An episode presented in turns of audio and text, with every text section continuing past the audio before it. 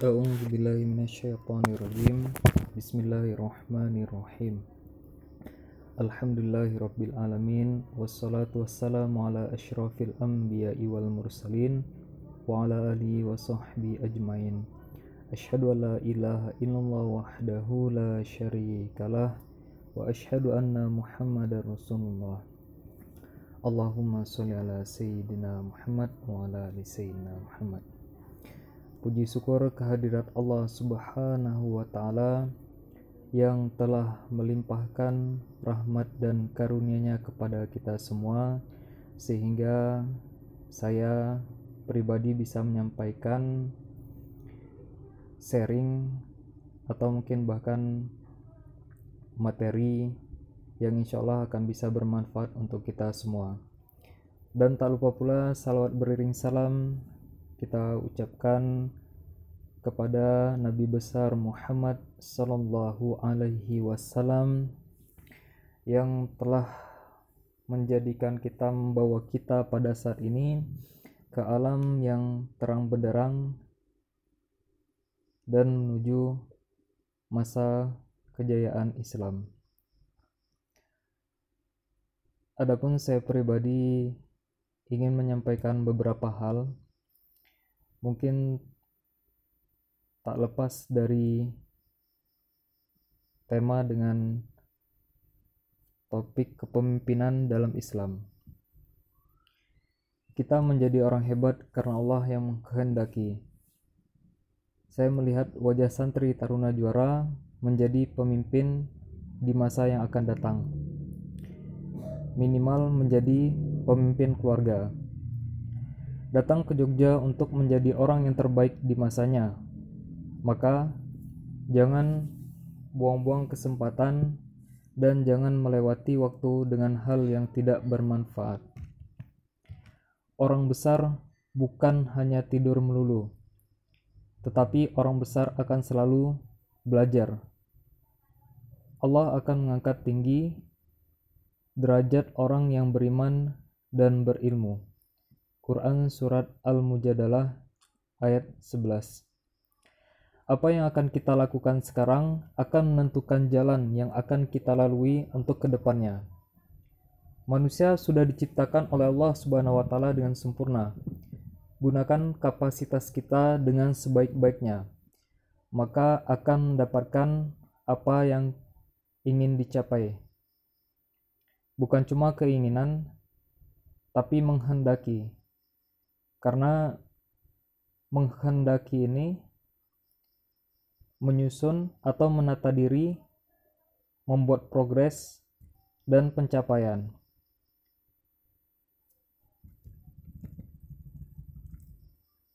Teman-teman yang saya banggakan, jauh-jauh datang ke Jogja dari rumah, dari kampung halaman, jadi jangan sekali-kali mengecewakan doa atau amanah dari keluarga, terutama ibu dan bapak. Kita sudah merantau jauh-jauh ke Jogja dan hasilnya cuma gitu-gitu aja, bahkan tidak sama sekali. Maka mari muhasabah diri. Mungkin ada yang salah di dalam diri kita. Mari kita manfaatkan waktu dengan sebaik mungkin Jangan biarkan waktu dengan cepat berlalu. Sudah lama di Jogja, tapi tidak mendapatkan apa-apa. Sangat disayangkan. Seorang mukmin bisa memanfaatkan waktu, seperti pesan yang disampaikan dalam Al-Quran, Quran Surat Al-Asr, dari ayat 1 sampai 3, yaitu demi masa bahwa manusia itu merugi kecuali orang-orang yang beriman dan mengerjakan kebajikan serta saling menasehati untuk kebenaran dan saling menasehati untuk kesabaran. Banyak orang yang ingin kuliah di Yogyakarta. Mungkin teman-teman sebagian sudah mengetahuinya. Bahkan mungkin kalau dulu saya pribadi tidak terpikirkan untuk bisa kuliah di Yogyakarta tapi alhamdulillah qadarullah dengan takdir Allah saya bisa menuntut ilmu belajar di Yogyakarta dan sempat menimba ilmu di Taruna Juara. Alhamdulillah. Banyak orang yang ingin masuk ke perguruan tinggi di Yogyakarta. Bahkan ada orang mampu secara ilmu tapi tidak mampu secara finansial. Dan ada juga orang yang mampu secara finansial tapi tidak ingin kuliah, bahkan tidak ada niat. Jadi kuliah seperti sebuah paksaan gitu.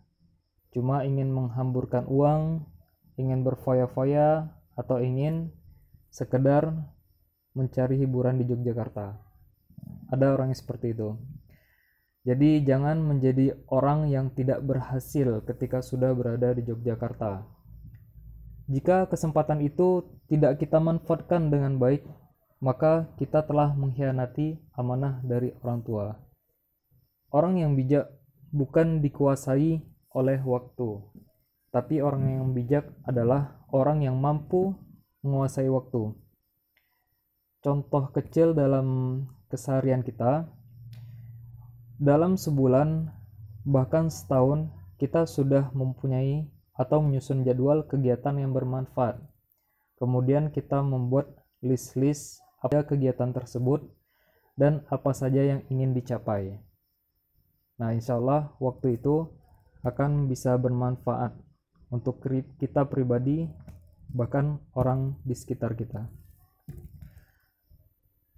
berikutnya ialah yang ingin saya sampaikan yaitu menjaga pergaulan. Nah, dari awal memang ketika saya sebelum menginjakkan kaki di Yogyakarta, saya sudah diberi pesan oleh kakak kandung saya. Jadi ketika nanti kuliah di Yogyakarta, maka pilihlah pergaulan yang baik. Cari lingkungan tempat tinggal, teman, bahkan apa pun itu, carilah hal-hal yang baik. Karena memang ketika salah pergaulan, maka ke depannya akan berdampak fatal. Maka dari itu saya sudah diwanti-wanti oleh kakak saya, kakak kandung saya, uh, ada dua pilihan ketika kita sampai di Yogyakarta.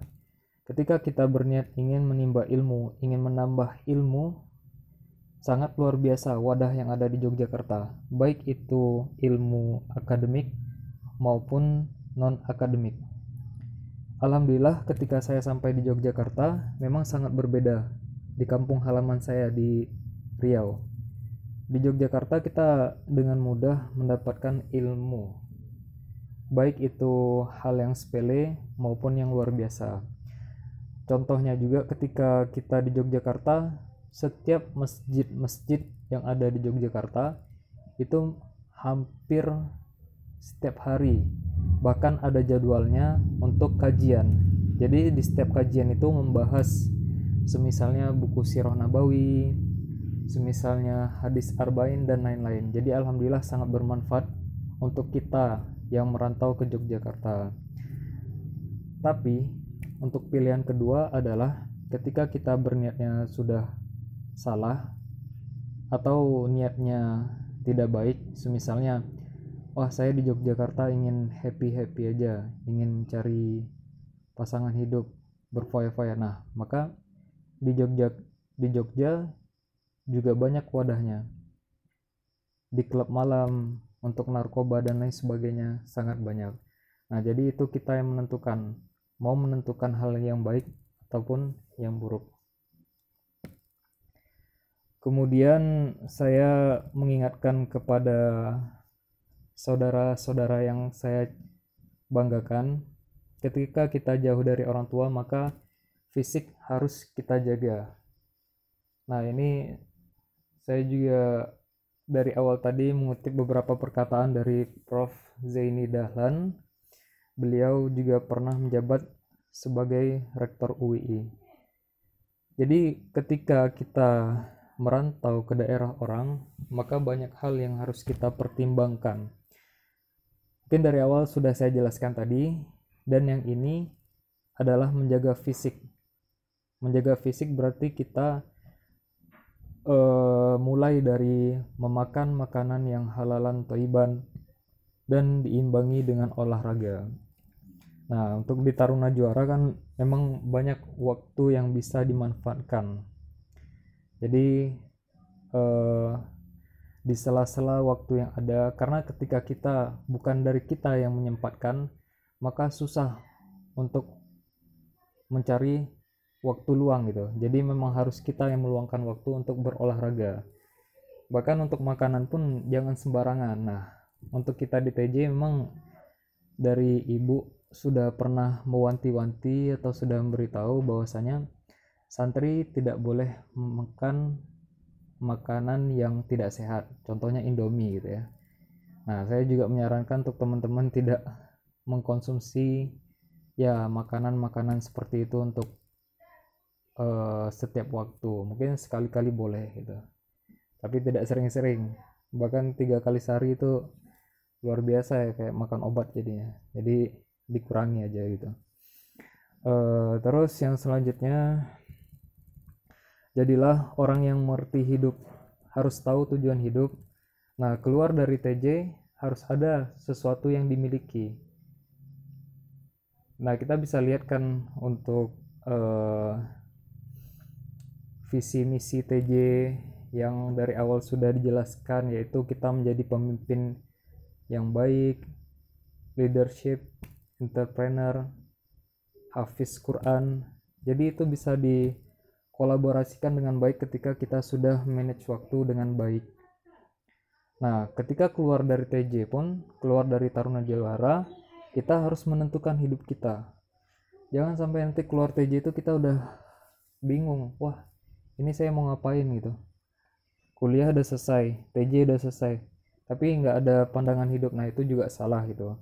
Makanya dari itu ketika sampai saat ini kita belum punya tujuan hidup, ada baiknya saran saya kita udah mengatur atau manage ke depannya kita mau seperti apa gitu. Alhamdulillah ketika memang ilmu yang sudah ditimba di Taruna Juara ataupun di perguruan tinggi bisa kita terapkan untuk kehidupan selanjutnya. Ketika ada hambatan-hambatan atau halangan-halangan maka dari itu kita tidak boleh langsung patah semangat. Jadi kalau pesannya dari Prof Zaini Dahlan, kita jangan mudah tersanjung karena pujian atau kesenangan. Dan jangan pula kita terhambat oleh kesulitan. Nah, ini yang harus ditanamkan di dalam diri kita. Dipuji tidak melayang dan dicaci tidak tumbang. Orang yang beriman harus mempunyai prinsip hidup, yaitu hari ini lebih baik dari hari kemarin. Jadi, tiap harinya kita membuka lembaran baru dalam kemajuan diri kita. Untuk berikutnya, saya berpesan kepada teman-teman sekalian agar selalu mengingat atau berbakti kepada orang tua, walaupun kita sudah jauh dari orang tua, gitu ya mungkin kalau yang di Jogja atau di Jogja sekitar tuh masih enak gitu. Nanti ada waktu luang bisa pulang sebentar ke rumah gitu ya. Ada waktu luang weekend bisa pulang ke Solo atau ke mana gitu. Tapi untuk teman-teman yang jauh di kampung halaman dari kampung halaman nah mungkin minimal kita ada nelpon ke orang tua nanya kabar gitu atau memberi kabar. Dan insya Allah apa yang kita lakukan dimudahkan selalu dimudahkan dan dilancarkan oleh Allah Subhanahu wa taala ketika memang kita berbakti kepada orang tua. Baiklah, eh, tadi adalah pembukaan dari saya sebenarnya. Inti dari topik yang ingin saya sampaikan yaitu kepemimpinan di dalam Islam. Saya mengutip dari beberapa sumber jadi mungkin ini yang bisa saya diskusikan dan insya Allah akan bisa bermanfaat untuk kita semua. Terutama memang di Taruna Juara sendiri seperti yang sudah diterapkan sebelumnya. Jadi kita di Taruna Juara memang berorganisasi. Nah, di dalam organisasi memang dipimpin oleh mas'ul ya, kalau kita di santri itu. Nah, ada baiknya kita flashback, kita kaji ulang lagi. Barangkali mungkin ada hal-hal yang kurang diterapkan atau hal-hal yang kelupaan gitu. Ini cuma sekedar sharing saja, bukan berarti saya menyampaikan saya lebih baik dari teman-teman sekalian. Jadi insya Allah bisa bermanfaat untuk kita semua. Jadi kepemimpinan dalam bahasa Inggris disebut leadership dan di dalam bahasa Arab disebut zi'amah atau imamah. Dalam era seperti sekarang, sosok pemimpin memiliki beberapa gaya dalam melaksanakan sebuah organisasi atau lembaga. Di antaranya autokratis, demokratis, laissez-faire, karismatik, transformasional, dan transaksional. Setiap gaya kepemimpinan tentunya memiliki kekurangan dan kelebihan masing-masing. Namun dalam Islam sendiri sudah ditentukan batasan atau kategori kepemimpinan yang baik, pemimpin yang ideal, yang memiliki pemimpin Islam adalah hasrat untuk semua orang. Karena pemimpin ini akan membawa organisasi pendiri tanah dan oleh karena itu pemimpin mutlak diperlukan untuk kebaikan rakyat. Beberapa aspek yang dijadikan patokan sebagai kategori kepemimpinan yang baik dalam Islam adalah kebersihan hati, tingkat ketaatan, dan akidah. Sementara menurut Sofyan S. Harahab, Rasulullah Shallallahu Alaihi Wasallam merupakan sosok pemimpin dengan beberapa karakter utama yang bisa dijadikan contoh. Kepemimpinan kepemimpinan adalah proses mempengaruhi atau membebaskan pemimpin melalui pengikut mereka dalam upaya mencapai tujuan organisasi.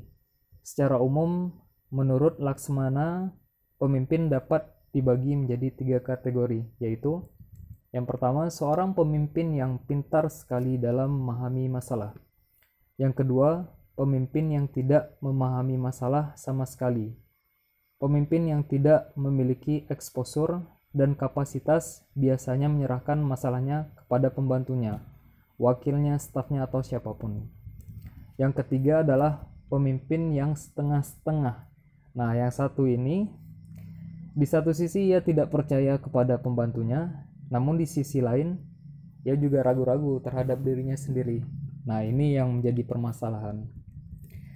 Menurut Al-Farabi, ada lima kriteria di antaranya yang masuk dalam kategori kecerdasan dan kompetensi seorang pemimpin yaitu yang pertama adalah pemahaman yang baik Jaudat Al-Fahmi Nah, jadi pemahaman yang baik ini diperlukan oleh seorang pemimpin. Karena berdasarkan pengalaman juga di organisasi dulu pernah di kampus ataupun di luar kampus, ketika kita mendapatkan pemimpin yang tidak memahami masalah dengan baik atau apa pun itu, jadi masalah yang harusnya diuraikan atau diselesaikan bahkan menambah masalah baru. Nah, hal ini yang harus ditekankan. Maka ada baiknya ketika memilih pemimpin kita pahami bahwa pemimpin tersebut mampu memahami dengan baik setiap masalah-masalah yang diberikan. Nah, jadi kita bisa melihat nanti dari latar belakangnya atau dari pengalaman organisasi dan lain sebagainya. Yang kedua adalah daya hafal yang baik. Jaudat al-Hifzi. Nah, saya yakin lah untuk di Taruna Juara sendiri memang Masya Allah luar biasa kan penghafal semua gitu ya asal bukan nama uh, apa uhti gitu ya.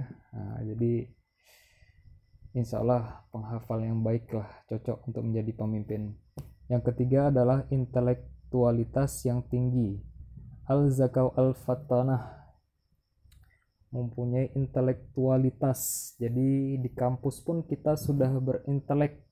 Kita sudah mempelajari bagaimana kita menerima materi dari dosen ketika kita mengkritisi teman-teman bahkan dosen yang kadang mungkin ada hal-hal yang tidak sejalan dan lain sebagainya. Nah kita berpikir intelek.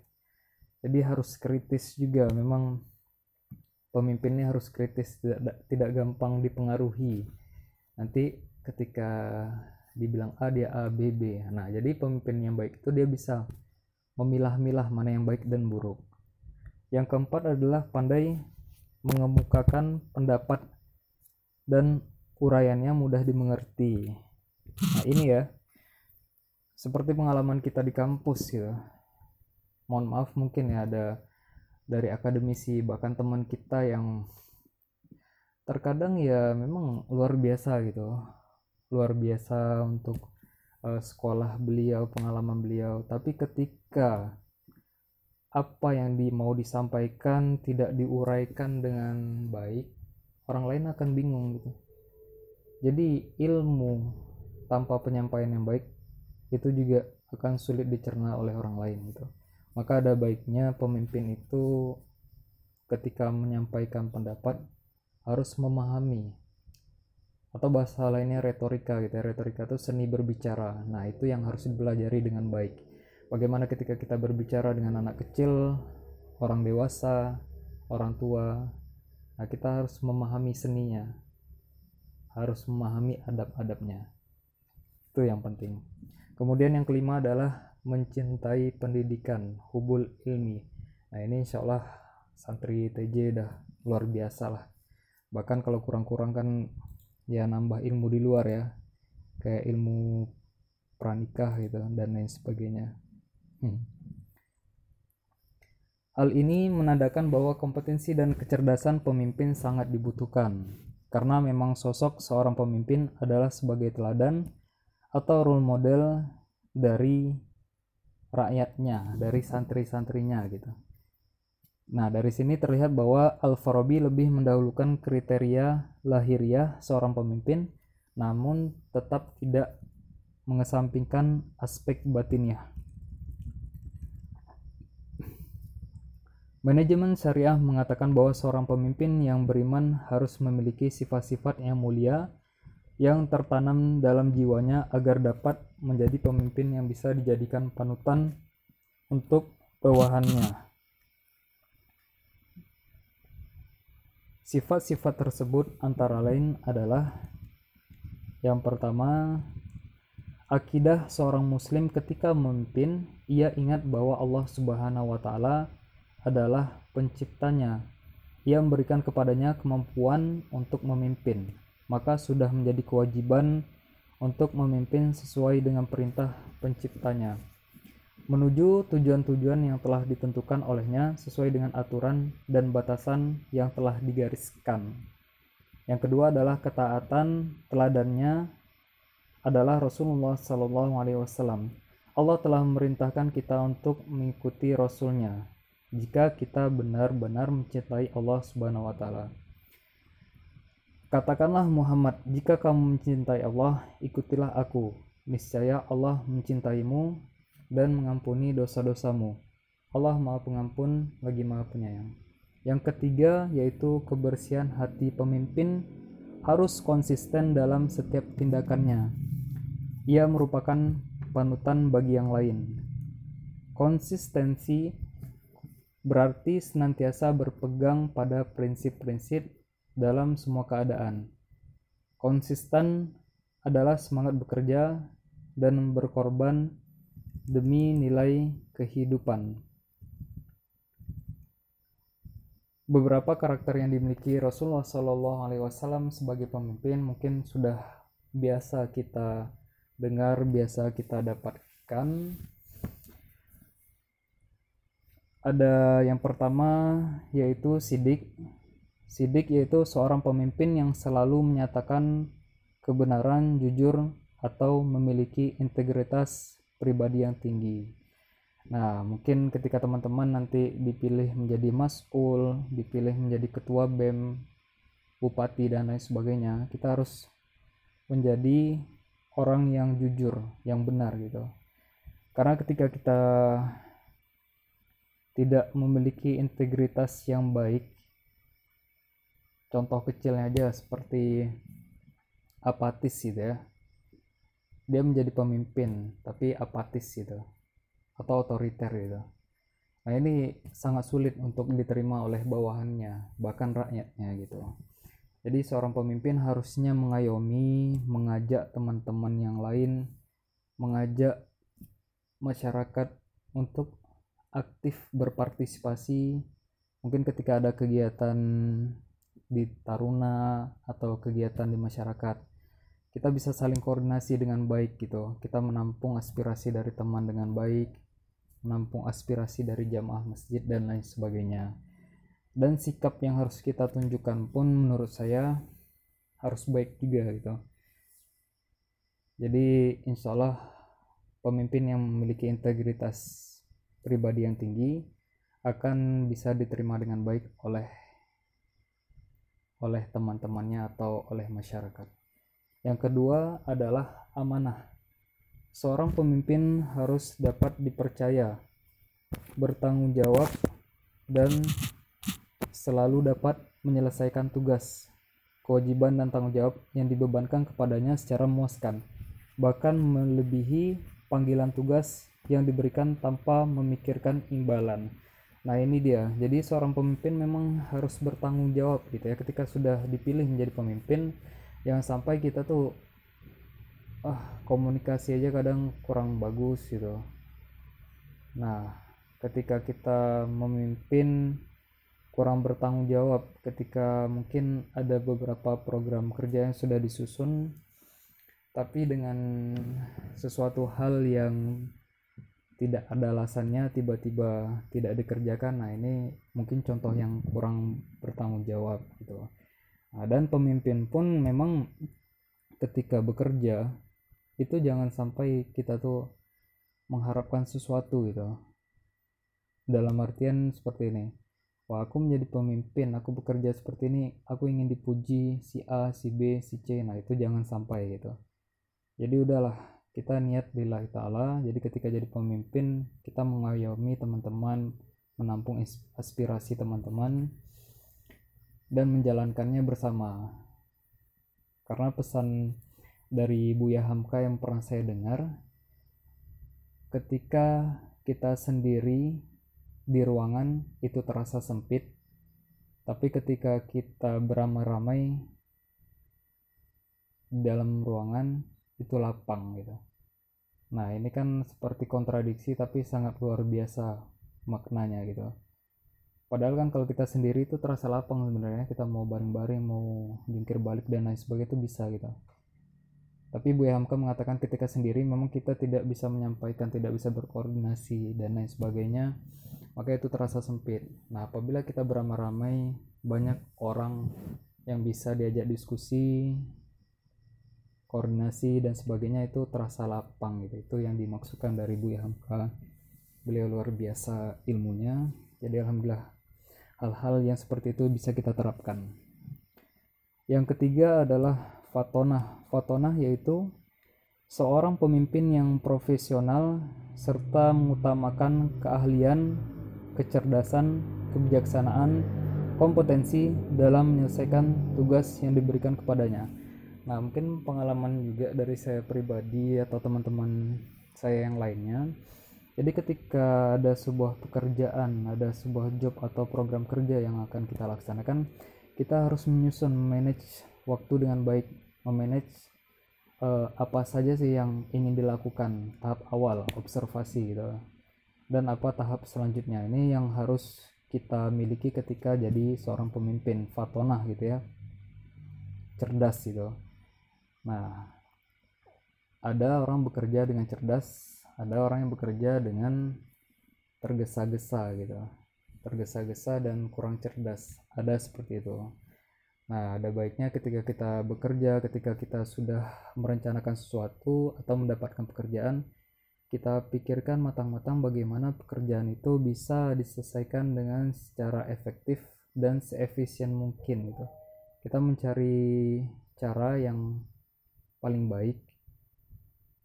Dan dengan waktu dengan metode kerja yang efisien gitu. Nah jadi memang itulah diperlukan pemimpin yang memiliki sifat fatonah. Adapun yang selanjutnya yang terakhir adalah tablik. Tablik seorang pemimpin yang memiliki kemampuan untuk dapat menyampaikan, berkomunikasi secara benar, menyampaikan kebenaran serta mampu mendidik dan mengarahkan orang mematuhi peraturan. Nah ini poin penting yang mau saya tekankan yaitu tablik ya. Tablik ini intinya komunikasi kita. Banyak hal, banyak pengalaman yang sudah saya alami suatu organisasi, suatu kelompok, suatu himpunan bisa mendapatkan masalah, bisa menimbulkan masalah.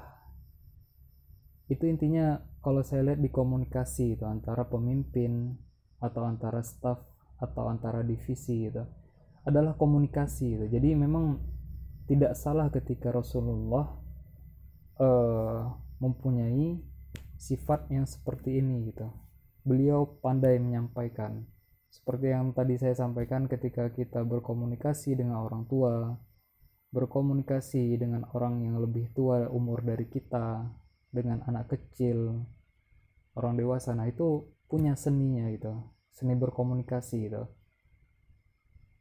Tapi sebelum dari itu eh, sangat-sangat disayangkan sebelum kita masuki seni itu ketika memang kita tidak mempunyai niat untuk berkomunikasi itu sangat disayangkan gitu jangankan seni bahkan komunikasi aja nggak mau nah itu kan lebih salah lagi gitu ya jadi niatkan biasakan diri kita untuk berkomunikasi berkoordinasi dengan teman-teman dengan masyarakat dengan orang tua gitu kita biasakan latih komunikasi dengan baik sehingga uh, sesuatu itu bisa berjalan dengan baik ketika ada masalah baik itu di forum baik itu hal pribadi nah bisa kita komunikasikan dengan cara baik.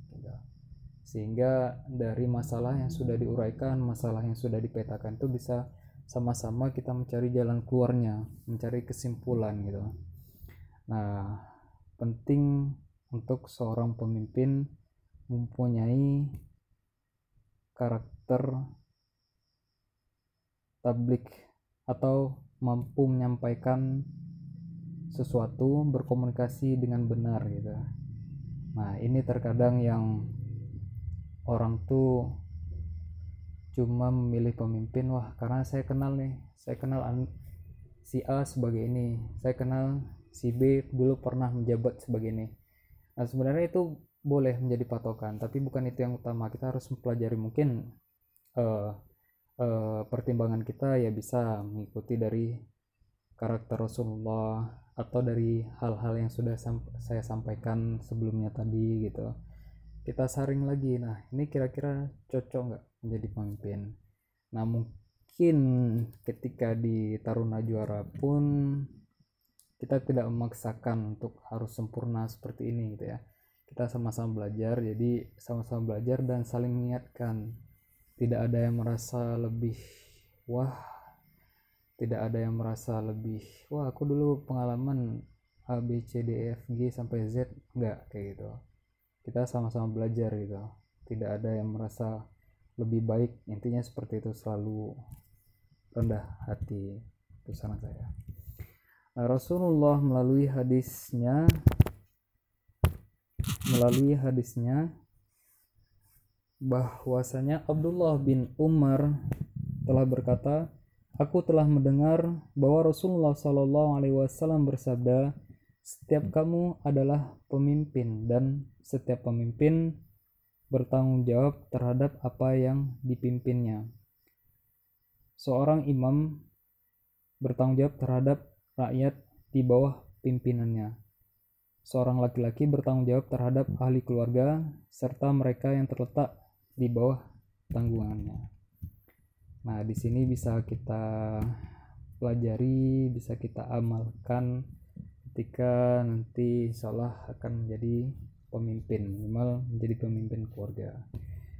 Adapun pesan saya untuk santri Taruna Juara dan teman-teman yang sudah menyempatkan meluangkan waktunya untuk mendengar uh, sharing dari saya agar selalu menjalankan amanah sebaik mungkin gitu baik kita menjadi santri atau menjadi mas'ul lah ya kalau di santri itu Nah, ketika diamanahkan untuk menjadi pemimpin, maka jadilah pemimpin yang baik, yang bisa berkomunikasi dengan baik, baik dengan orang di lingkungan asrama maupun masyarakat sekitar.